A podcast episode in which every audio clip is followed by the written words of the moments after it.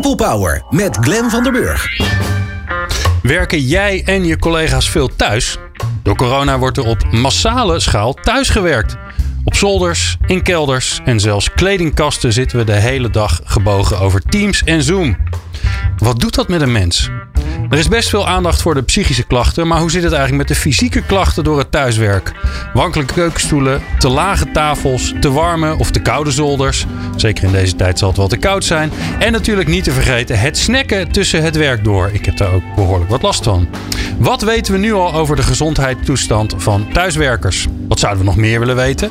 Kan het zogeheten coronaverlof tijdelijk verlichting bieden? En wat moeten organisaties gaan regelen als thuiswerken een vaste plek in het werk krijgt?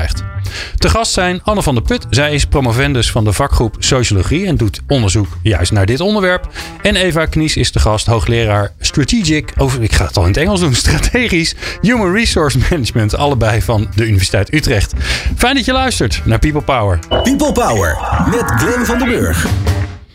Anne en Eva, wat fijn dat jullie er zijn. Anne, jij bent in het echt in de studio. Eva, jij bent, bent op afstand. Bijzonder welkom. Leuk dat jullie er zijn. Dankjewel, dank voor de uitnodiging. Nou ja, je, bent natuurlijk altijd heel, heel welkom, Eva. Niet voor de eerste keer, dus uh, jij staat in ons balboekje.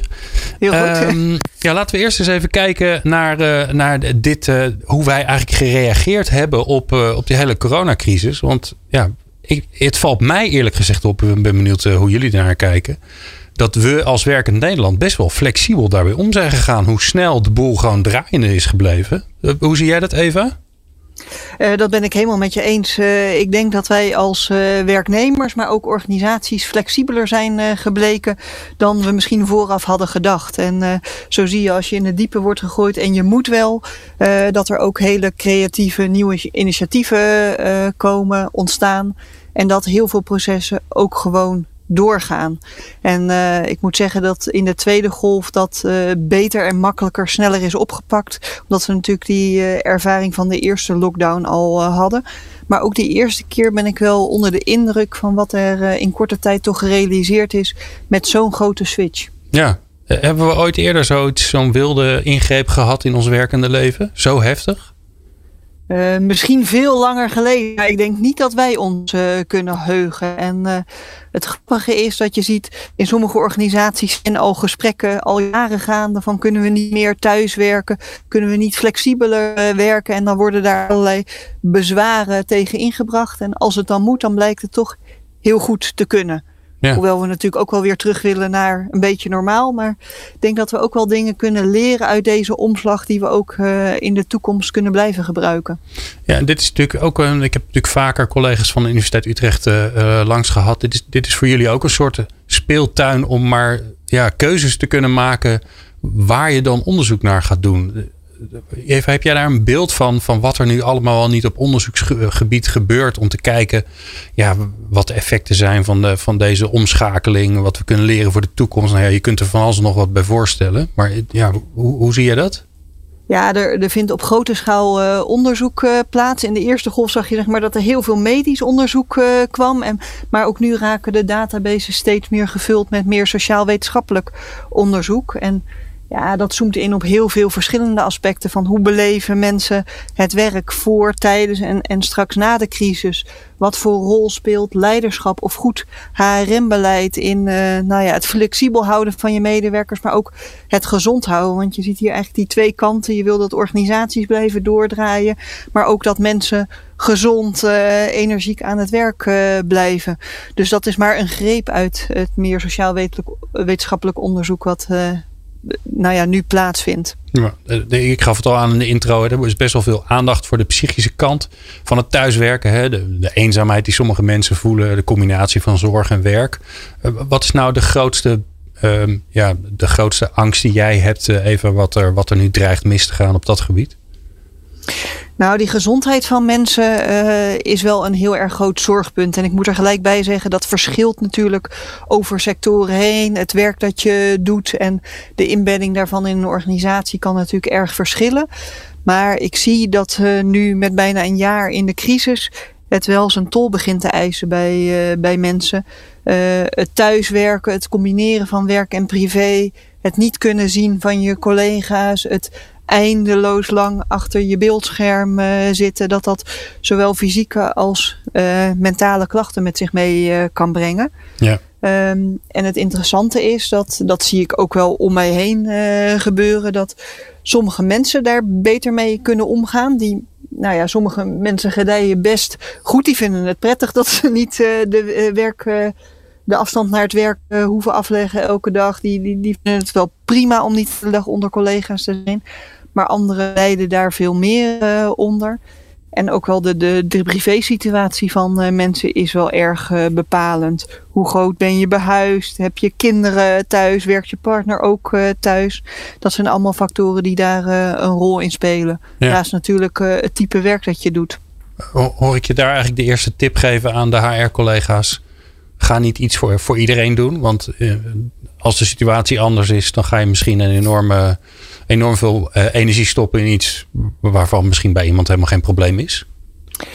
Dat is absoluut belangrijk. Ik denk dat het uh, goed is om wel bepaalde regelingen te hebben, maar waar je dan goed, en dan zou ik ook naar de direct leidinggevende willen kijken, in goed gesprek, in overleg met uh, medewerkers te kijken waar ze wel of niet gebruik van moeten of willen maken. Ja. En dat dat dus per team ook goed kan differentiëren. En dat je ook heel goed kan kijken, kan je slimme manieren verzinnen. Misschien zit de een wel verlegen om wat meer werk. Die vindt het een beetje saai en die wil wel een nieuwe uitdaging. Terwijl een ander helemaal overloopt, kan je die uh, mensen dan met elkaar in contact brengen. Dat ze ook snel zelf slimme oplossingen daarvoor bedenken. Dus ik zou dat niet alleen bij een HR-afdeling, dan wel bij een leidinggevende beleggen. Maar ook heel erg kijken hoe je mensen zelf kan mobiliseren om dit soort slimme oplossingen te bedenken. Ja, nou Anne, we, we zouden het vooral gaan hebben over de, de fysieke kant hè, van, de, van het ja, de effect van, eh, van, veel, van het vele thuiswerken. Hoe, hoe staat het daar nu mee als je kijkt naar de fysieke gezondheid van de thuiswerkers? Nou, de meeste thuiswerkers geven eigenlijk aan dat hun fysieke gezondheid nog best wel goed is. Um, volgens mij heeft TNO heeft daar onderzoek naar gedaan en de ruime meerderheid gaf nog steeds een voldoende voor zijn gezondheid. Maar ze zagen ook wel dat er toch wel ja, veel meer werd gezeten door mensen. Inderdaad, wat Eva al zei, mensen zitten veel meer achter een computer, ook in een vrije tijd. Dus niet alleen tijdens de werkuren, maar ook erbuiten. Um, Oké, okay, ja, dus ze zitten de hele dag teams en te zoomen en dan gaan ze zittend eten en daarna gaan ze voor de buis hangen. Ja, ja daar lijkt het wel op inderdaad. Ja, dit was mijn dag ongeveer. Nee, is ook geen lekker weer om nu naar buiten te gaan natuurlijk. Oh, wie wel. Geweldig toch? Ja, snel. Fantastisch. Ja, als je maar niet van A naar B hoeft. Klopt. Ja, oké. Okay. Maar, maar mensen geven dus aan dat het eigenlijk wel meevalt. Dat geven ze zelf inderdaad aan. Maar tegelijkertijd zie je ook wel dat er toch ook wel een, een toename is aan ja, in zogenaamde kantklachten. Dus aan de armen, nek, schouders. Omdat mensen misschien toch niet helemaal goed voor hun, uh, ja, voor hun beeldscherm zitten. En inderdaad um, dan s'avonds alsnog op de bank gaan hangen. Dat ze misschien tussendoor, kijk, als je op je werk zit, in ieder geval bij ons, maak je nog eens een loopje naar de koffieautomaat, naar de printer. Ja, dat, ik werk thuis aan de keukentafel. Ja, dat is twee meter van de, uh, de keuken. Dus als ik wat wil drinken, zet ik twee stappen en dan ben ik weer terug op mijn werkplek. Dus dat uh, ja. schiet natuurlijk ook niet echt op dan. Nee. Nee, en zie je dan ook uh, klachten van vroeger? Ja, ik noem maar even klachten van vroeger, want ik hoorde er niet zoveel meer over. Maar bij RSI, iets uit, die, uit uh, halverwege de jaren negentig, was dat, ja, had iedereen daar last van. Zie je dat weer een beetje terugkomen? Ja, dan? dat valt dus inderdaad wel onder die, ja, die, die kantklachten, zoals ik net. Ja. ja. ja, als men ja, toch niet goed hè, voor, een, ja, voor een scherm zitten, misschien thuis niet de middelen hebben die ze op hun werk wel hebben, zoals een, een instelbaar bureau of een, een goede stoel, dan ja, krijg je er toch wel komt dat toch wel meer voor. En dat zie je ook vooral onder jongeren. Die. En hoe komt, want je zou eigenlijk zeggen dat, het, dat er veel meer effect zou moeten zijn. Zou ik me voor kunnen stellen. Hè, dat het, maar hoe komt het dan dat je dat nu nog niet terugzit in die, in die onderzoeken die, er, die eruit zijn gekomen? Of nog niet echt heel heftig? Ja, zelf weet ik niet helemaal. Het zou kunnen natuurlijk dat mensen nog niet zo erg de, de ervaring hebben. Dat ze denken, oh, het, het valt nog wel mee. Of hè, we, nou ja, we zien toch een tijdje geleden dat we dachten, oh, we gaan binnenkort toch weer naar ons werk. Um, nou ja, die, die, paar weken, dat houden we ook nog wel vol. Maar ja, je ziet nu toch dat het toch wel weer misschien wat langer gaat duren. Dus uh, ja, dat het misschien gewoon even tijd nodig heeft voordat dat zich terug... Een soort, soort incubatietijd voordat je, ja, voordat je beseft dat het daardoor ja, komt. Ja, wellicht. Ja, dat. Uh, ja. ja. En jij zei, hè, er wordt best wel wat onderzoek naar gedaan. Hoe, hoe wordt dat onderzoek dan gedaan? Hoe kom je er überhaupt achter? Ja, ik weet dat de, deze dingen worden vooral uh, door vragenlijstenonderzoek uh, gedaan. Dus gewoon mensen vragen van, goh, hè, eh, ervaar je deze klachten ja of nee? Um, hoeveel per uur per dag zit je? Hoeveel per uur per dag per week besteed je aan beweging?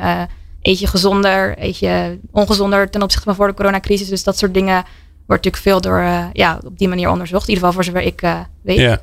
Ja, en, en wat voor onderzoek mist daar dan? Want ik kan me ook voorstellen dat dat, hè, dat is toch, dan ga je praten over je eigen gedrag.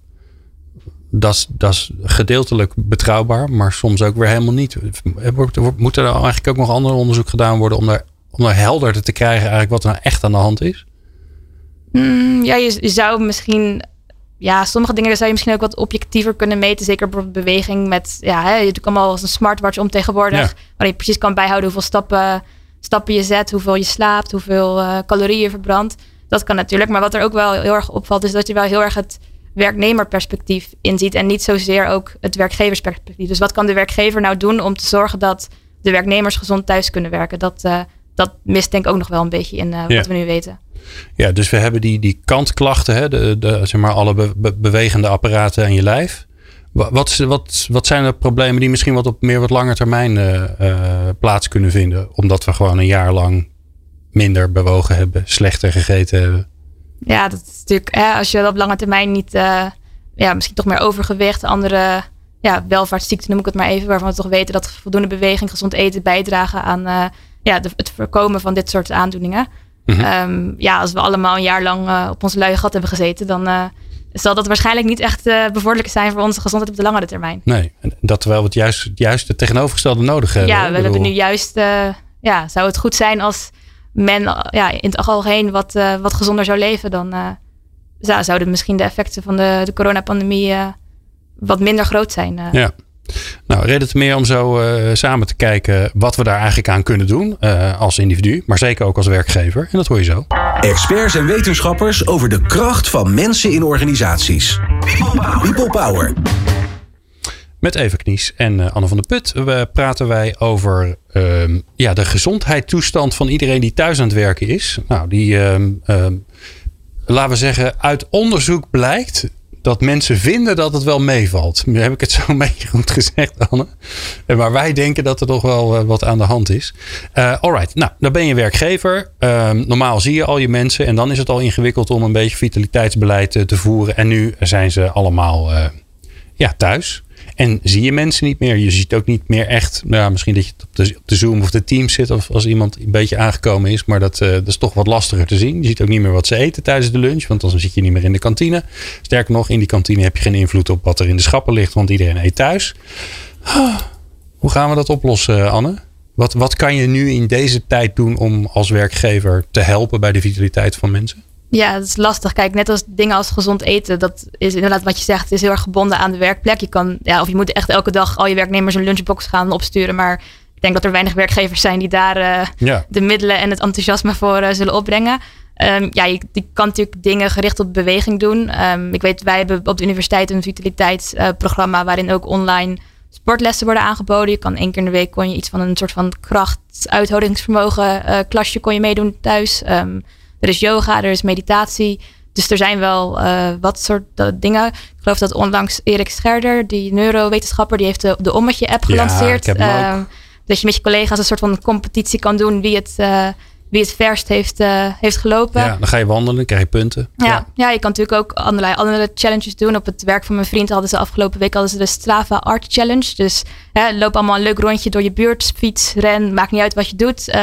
Maak een mooi figuurtje. En nou ja, wie aan het eind van de rit het mooiste figuurtje heeft gemaakt, die, uh, die won een prijs. Dus, uh... Oké, dus dan, dan ga je een rondje lopen of fietsen. En dan het, het, de route die je aflegt op de plattegrond moet dan iets zijn. Ja, die hou je dan bij met, met een app of met je telefoon of je horloge. En die, uh, ja, ja. Oké, okay, maar dat klinkt als heel veel speelse dingen. Eva, heb jij nog mooie voorbeelden wat je zou kunnen doen als werkgever om daaraan toe te voegen? Ja, en dit ligt ook wel weer op het niveau van teams, uh, waar de leidinggevende denk ik een belangrijke rol speelt. Bijvoorbeeld begin vergaderingen niet op het hele uur, maar vijf minuten daarna. En stop dan vijf minuten eerder, zodat je niet uh, in één seconde doorklikt naar de volgende meeting, maar ook even op kan staan. Uh, even misschien zelfs naar buiten als dat lukt, maar in ieder geval even van je stoel af. En een ander iets wat ik ook probeer te doen, maar wat niet altijd lukt, is om uh, sommige vergaderingen niet via Teams of Zoom te doen, maar gewoon uh, ouderwets via de telefoon, oortjes in en uh, naar buiten. Ja. Ja, nou ja. naar buiten zelfs. Oh, naar buiten lopen. zelfs, ja. ja. ja. verstandig. Ja, dat vergeten we nog wel eens, hè? Dat je, dat je ook gewoon telefonisch kan vergaderen. Ja. Ja. En misschien verdergaand uh, zou je ook wel met elkaar over kunnen nadenken van zijn alle vergaderingen nodig of is het nodig om dat iedereen bij elke vergadering aanwezig is, dat je veel gerichter uh, en efficiënter te werk uh, gaat. Ja, en ik kan me voorstellen dat, dat werkgevers daar misschien, werkgevers, leidinggevende, HR, professionals, een beetje terughoudend zijn in, in daar afspraken over maken of regels. Daar zijn wij hmm. niet zo van in Nederland. Vinden we dat een beetje eng. Hoe, hoe zitten jullie daarin, Anne? Wat zeg jij?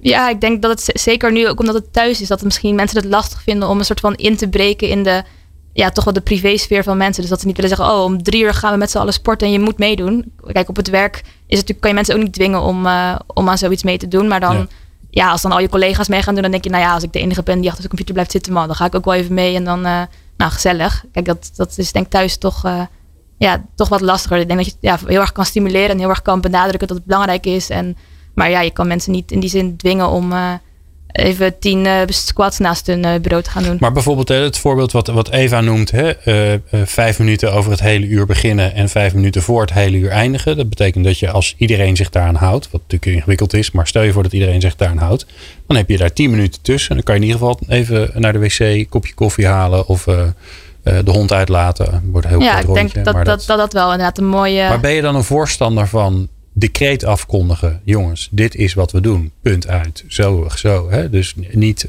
wellicht zou je of.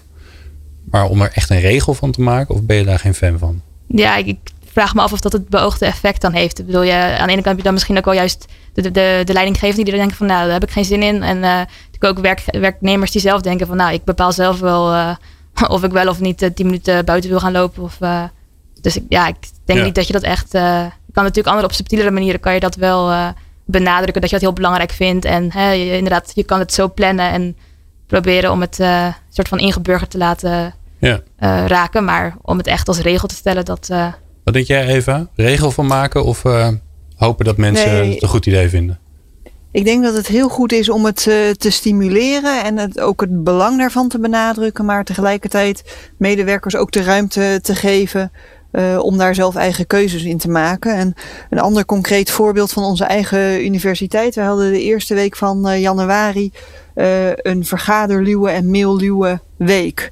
Waarin vanuit het college van bestuur werd aangemoedigd om elkaar niet te veel um, onnodige op dat moment mailtjes uh, te sturen en geen vergaderingen te plannen die niet strikt noodzakelijk uh, waren. Ja. Nou, dat heeft geresulteerd in een week met veel minder afspraken. Wel een aantal die gewoon noodzakelijk waren en daar was de ruimte ook voor. Dat werd niet verboden of zo. Maar tegelijkertijd geef je dan mensen ook wat lucht. En denk zo, zulke soort voorbeelden, dat werkt ontzettend goed. En ze zeggen ook als die ene week dan niet uitkomt, kan je dat ook een andere week uh, doen. Dus er wordt wel rekening mee gehouden met de individuele behoeftes en, en deadlines en zo. Maar tegelijkertijd wordt ook wel daarmee het signaal afgegeven. Het mag even wat minder en probeer ook goed na te denken over wat nu nodig is en wat ook een week later zou kunnen. Ja, nou hebben we natuurlijk eh, de afgelopen tijd eh, de roep om het coronaverlof uh, gehad. Waarbij we eigenlijk werd gezegd, ja, er zijn mensen die hebben een thuissituatie die gewoon niet, uh, niet te organiseren is. Uh, waarbij mensen heel veel druk voelen om wel te presteren. Want ja, je hebt nou helemaal een baan en je krijgt er salaris voor. Maar aan de andere kant, als je twee kinderen thuis hebt die allebei klein zijn en zich, zichzelf nog niet bezig kunnen houden. En sterker nog, hè, dat je je moet bijspringen voor thuisonderwijs. Ja, dan, dan is het gewoon niet te doen om dat ook nog te combineren met je werk. Um, even, dat, dat komt er niet dat coronaverlof. Nee, um, maar jij bent volgens mij wel een voorstander voor zoiets. Ik denk dat dat uh, veel druk van de ketel uh, kan halen voor, voor werkende ouders. Um, en het is jammer dat het er niet uh, door is gekomen. Maar desalniettemin denk ik dat het, ook als het er zou zijn gekomen, belangrijk blijft om ook op het niveau van de organisatie en echt op de werkvloer goede afspraken te maken. Dus zo'n regeling kan ontzettend helpen om uh, werkende ouders wat te ontlasten. Maar tegelijkertijd is het ook heel belangrijk om in de organisatie, zie die mail Luwe Week waar ik net over vertelde, maar ook in individueel gesprek tussen medewerker en leidinggevende goede afspraken te maken. Dus uh, het is jammer dat het er niet is gekomen, maar het belang van afspraken op de werkvloer blijft en is denk ik nu nog groter. We weten even jullie of er werkgevers zijn die, die zoiets eigenlijk gewoon zelf hebben gedaan. En want we kijken natuurlijk blij met z'n allen naar de overheid, want dan denken we dat het gratis is. Uiteindelijk betalen we het alsnog zelf met z'n allen. Maar uh, ik kan me voorstellen dat er een werkgever is die zegt, nou, wij bieden die mogelijkheid al aan onze medewerkers. Ik hoor wel verhalen van werkgevers die dan bijvoorbeeld een bijlesdocent of zoiets voor hun kinderen in, uh, inhuren. Dat dus de ouders kunnen werken en iemand anders het onderwijs regelt. Maar persoonlijk heb ik geen verhalen gehoord van coronaverlof door de werkgever uh, ingesteld. Jij even? Nee, ik zat ook te denken aan vergelijkbaar wat Anne zegt van een, dat je via een oppasbureau een oppas bij je thuis kan uh, uitnodigen die de kinderen uh, onderwijs geeft. Dus die voorbeelden ken ik ook.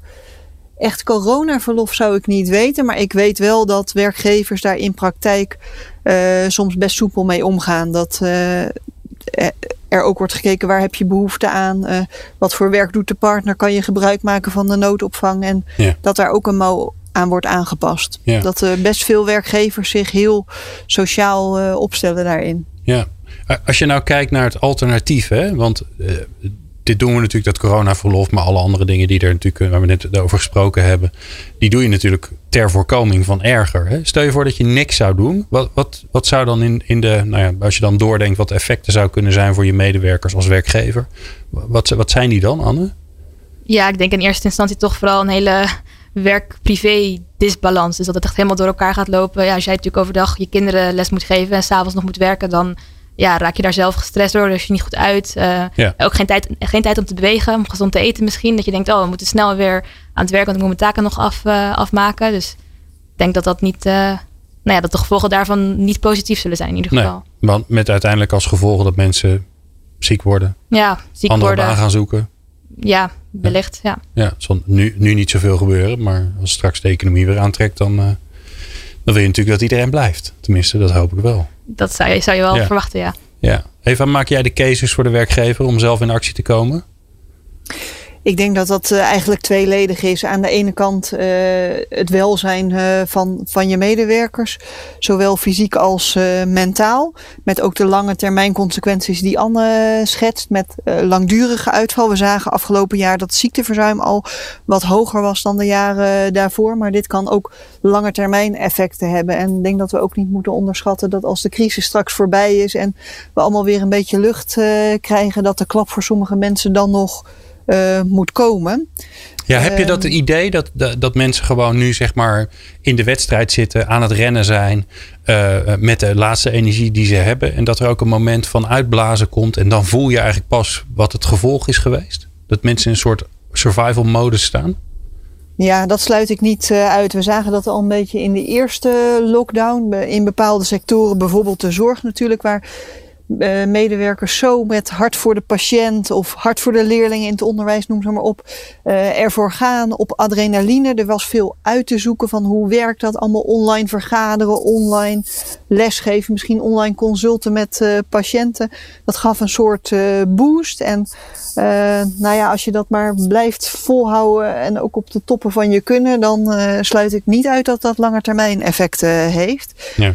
En als je zegt van werkgeversperspectief, uh, dan uh, zal dat ook uh, effecten hebben op nou ja, de dienstverlening, bijvoorbeeld aan, aan klanten, cliënten of wie je dan ook maar bedient. Ja. Uh, waar ik zo wel benieuwd naar ben uh, van jullie, om van jullie te horen, is ja, wie er dan een belangrijke rol daarin spelen. Want je kunt natuurlijk van alles nog wat bedenken, maar ja, je wil natuurlijk uiteindelijk dat, dat al die thuiswerkende mensen hun gedrag een beetje gaan verbeteren, zodat, zodat ze gezonder worden. En dat hoor je zo. Hoe ontketen je de kracht van mensen in organisaties? People Power. People Power. Anne van der Put en Eva Knies, die uh, zijn onze experts van vandaag. We praten over uh, de gezondheidseffecten van thuiswerken. Um, ja, waar ik nou wel benieuwd naar ben, Anne, en volgens mij is dat nou precies waar jij op promoveert, maar dan moet je me maar corrigeren als het niet zo is. Um, je kunt nog van alles en nog wat aanbieden. Je allemaal, kan allemaal ideeën. Maar uiteindelijk moeten mensen iets gaan doen. Die moeten gedrag laten zien. Dus die moeten in plaats van de hele tijd achter hun schermpje zitten. Moeten ze gaan opstaan en bewegen. En dat doen ze niet zomaar. Nee. Daar heb je anderen voor nodig. Toch? Mensen die hen beïnvloeden. Ja, nou je ziet al, zeg maar, als het dus wel nog op de werkvloer uh, gebeurt, dat ook al, nou ja, de aantallen verschillen een beetje, maar tussen 30 en 60 procent ongeveer van de werknemers uh, meedoet. En nou ja, wat inderdaad uit mijn eigen onderzoek blijkt, is dat vooral de collega's daar een belangrijke motivator in zijn. Dus hè, als je al je collega's mee gaan doen of nou ja, als al je collega's, je gaat samen lunchen en die nemen allemaal salade, dan denk jij niet als enige van, oh laat ik maar wel een broodje kroket bestellen, want dan voel je ook een beetje aangekeken. Ja. En dat, ja, waarschijnlijk is dat thuis ook het geval. We weten natuurlijk dat um, ja, sociale beïnvloeding, wanneer het op gezondheidsgedrag aankomt, heel belangrijk is.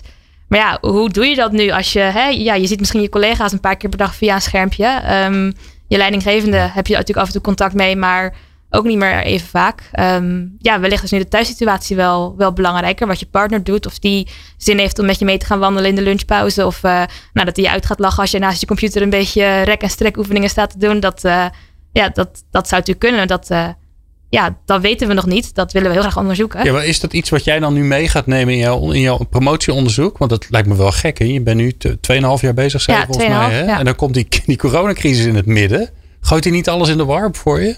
Um, nou ja, aan, aan, de ene kant wel, maar dat biedt natuurlijk ook weer een hele leuk, uh, ja, hoop leuke nieuwe kansen. Omdat inderdaad, het, ja, hoe we werken wordt is natuurlijk veranderd. En ja, er wordt ook wel hier en daar gezegd dat we in de toekomst ook meer thuis gaan werken. Hè. Er was laatst volgens mij bij de NOS allerlei grote bedrijven ondervraagd die minder kantoorruimte dachten nodig hebben in de toekomst. Dus dan, ja, dan is het toch heel leuk om dan te denken, oké, okay, maar als je dan thuis zit, hoe zou mijn onderwerp ja, hoe krijgt dat dan vorm? Hoe ja. uh, beïnvloeden of uh, stimuleren werkgevers dan de gezondheid van hun werknemers? En ja, wat, wat zou er dan belangrijk zijn? Inderdaad, wat ik zei, zijn dan nog steeds die collega's zo heel belangrijk? Of ja, is dat dan de thuissituatie die. Uh... Maar jouw onderzoek dus, toen we nog op kantoor zaten, zeg maar met z'n allen, daar kwam uit dat die collega's zo belangrijk waren. Wat is de rol van de leidinggevende dan?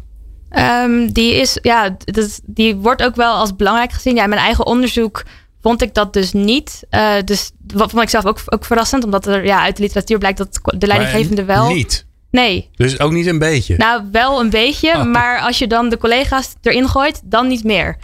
Dus het zou oh. kunnen dat, hè, dat een leidinggevende natuurlijk iedereen in een team of in een afdeling uh, stimuleert. En nou ja, dat, dat de collega's dan een soort van dat, dat overnemen en de leidinggevende dan niet meer zoveel uh, ertoe doet. Dat, dat zou natuurlijk kunnen. Um, en kijk, een leidinggevende is, biedt natuurlijk ook andere manieren. Hè. Die, die maakt natuurlijk ook mogelijk. Um, die zou bijvoorbeeld ook kunnen zeggen van nou, hè, de leidinggevende bepaalt of je wel of niet onder werktijd uh, mag sporten. Dat, uh, ja, maar dat, dat klinkt allemaal als, uh, zeg maar als faciliterend. Hè? Van, ja. je maakt het mogelijk.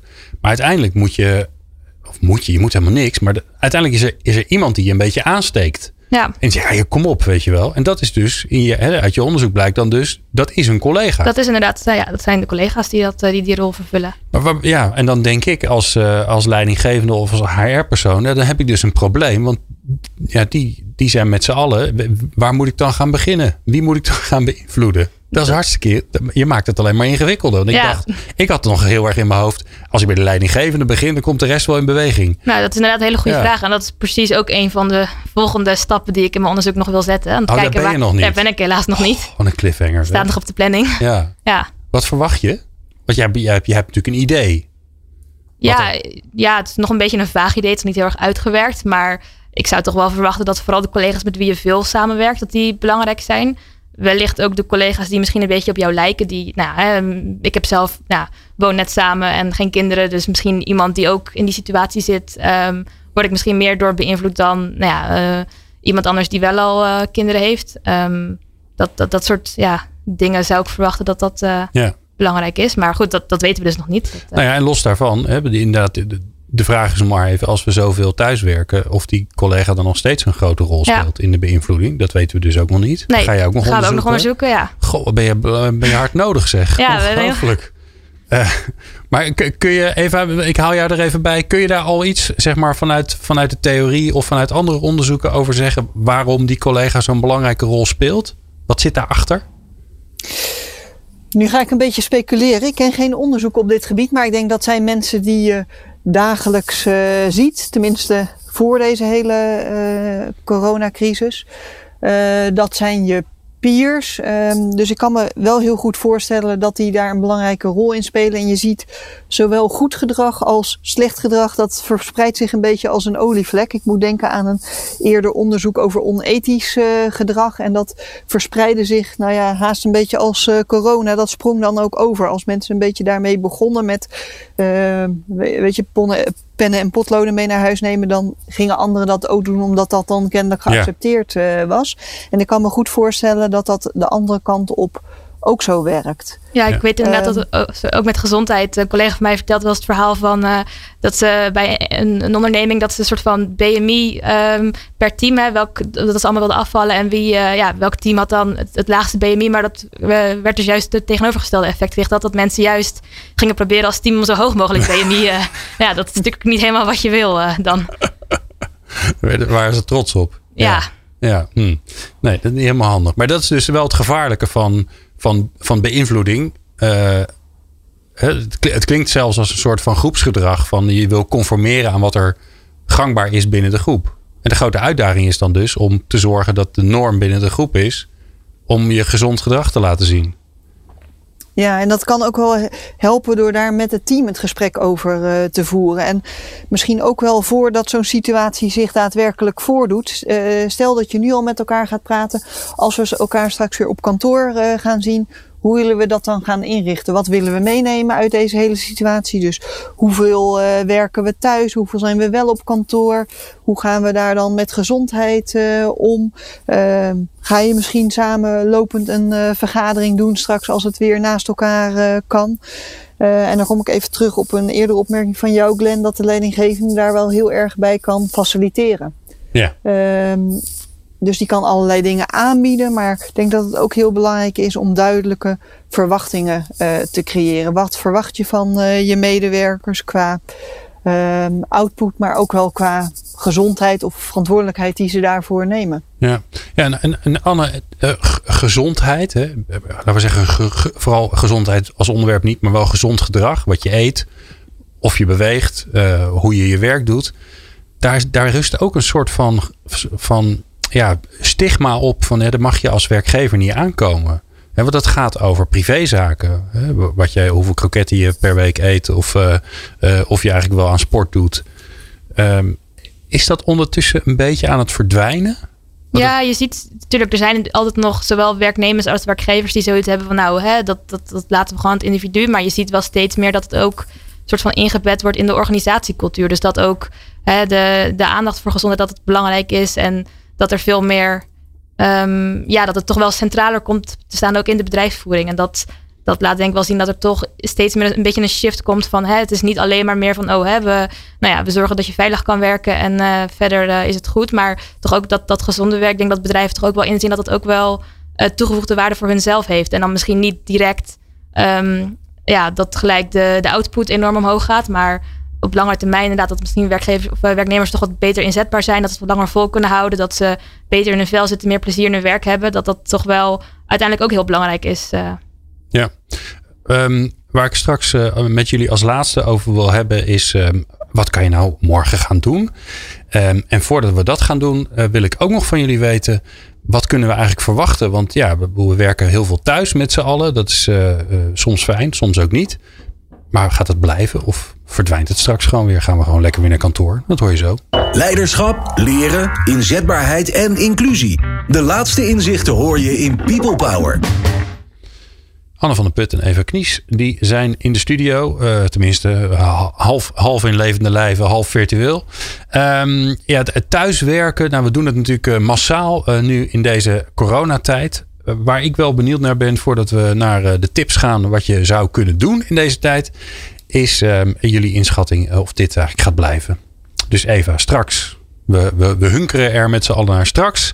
Is de coronacrisis voorbij? Straks kunnen we gewoon weer over straat. Kunnen we iedereen weer knuffelen? Kunnen we weer lekker eh, op het terras zitten? Nou, alles wat we, wat we gemist hebben.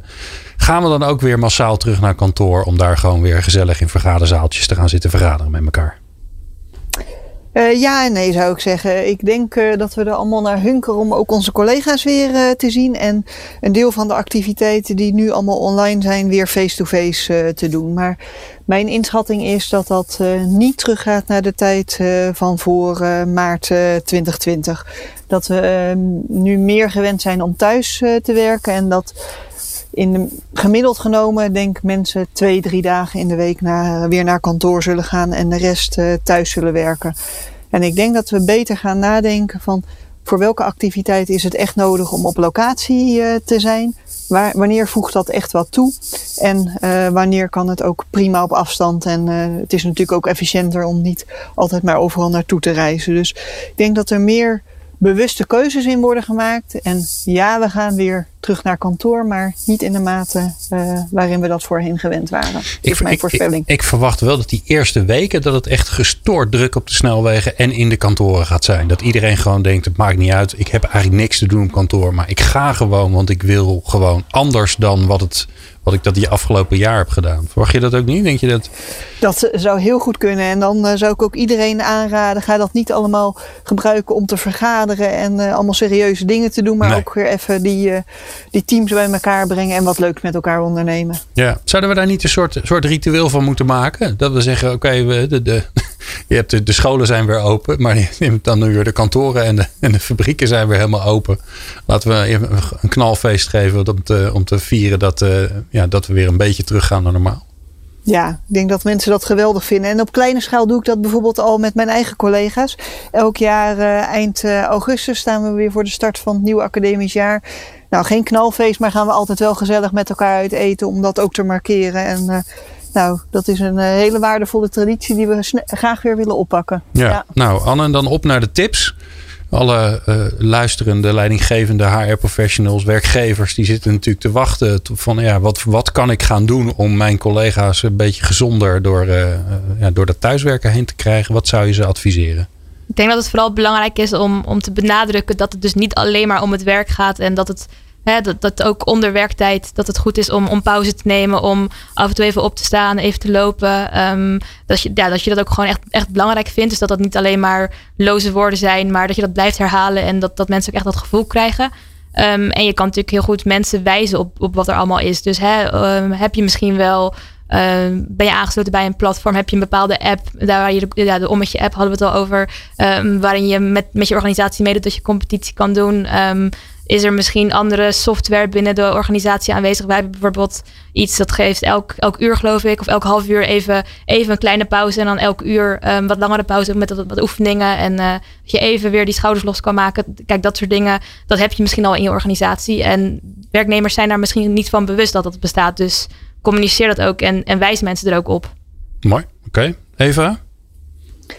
Als ik het heel concreet uh, maak, dan zou ik uh, zeggen: voor, medewerkers, bedenk nou iets uh, deze week wat je hindert in uh, je werk. En dat kan zijn, ik zit op een slechte stoel of ik moet te veel vergaderen. Ik heb uh, te veel taken te doen en daarmee een te hoge werkdruk. En maak dat bespreekbaar met je leidinggevende dan wel met je collega's. En andersom aan de leidinggevende, stel die vraag eens aan medewerkers. Hoe gaat het en wat kan ik nog doen om je beter te faciliteren je werk te kunnen doen. Ja, en, en houd niet bij die vraag hoe gaat het, want dan is meestal het antwoord dat je krijgt goed.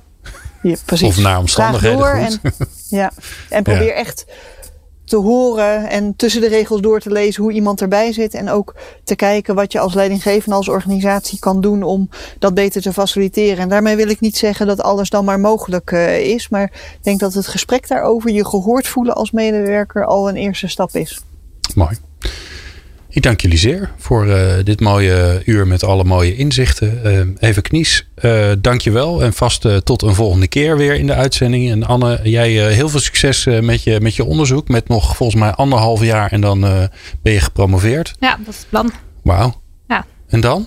Dan ja, hopelijk verder met het thema. En dan, en dan is het te hopen dat je, dat, je, dat je universiteit je mag behouden. Ja, dat zou mooi zijn. Of je wordt weggekocht nou ja, als, als mijn inzichten ergens anders mensen kunnen helpen gezond uh, te leven, is dat ook, uh, ook prima. Alright. Um, als ze nou meer willen weten, want er is vast uh, van alles nog wat te vinden op de website van Universiteit Utrecht. Waar kunnen ze dan naartoe? Naar de Future of Work Hub.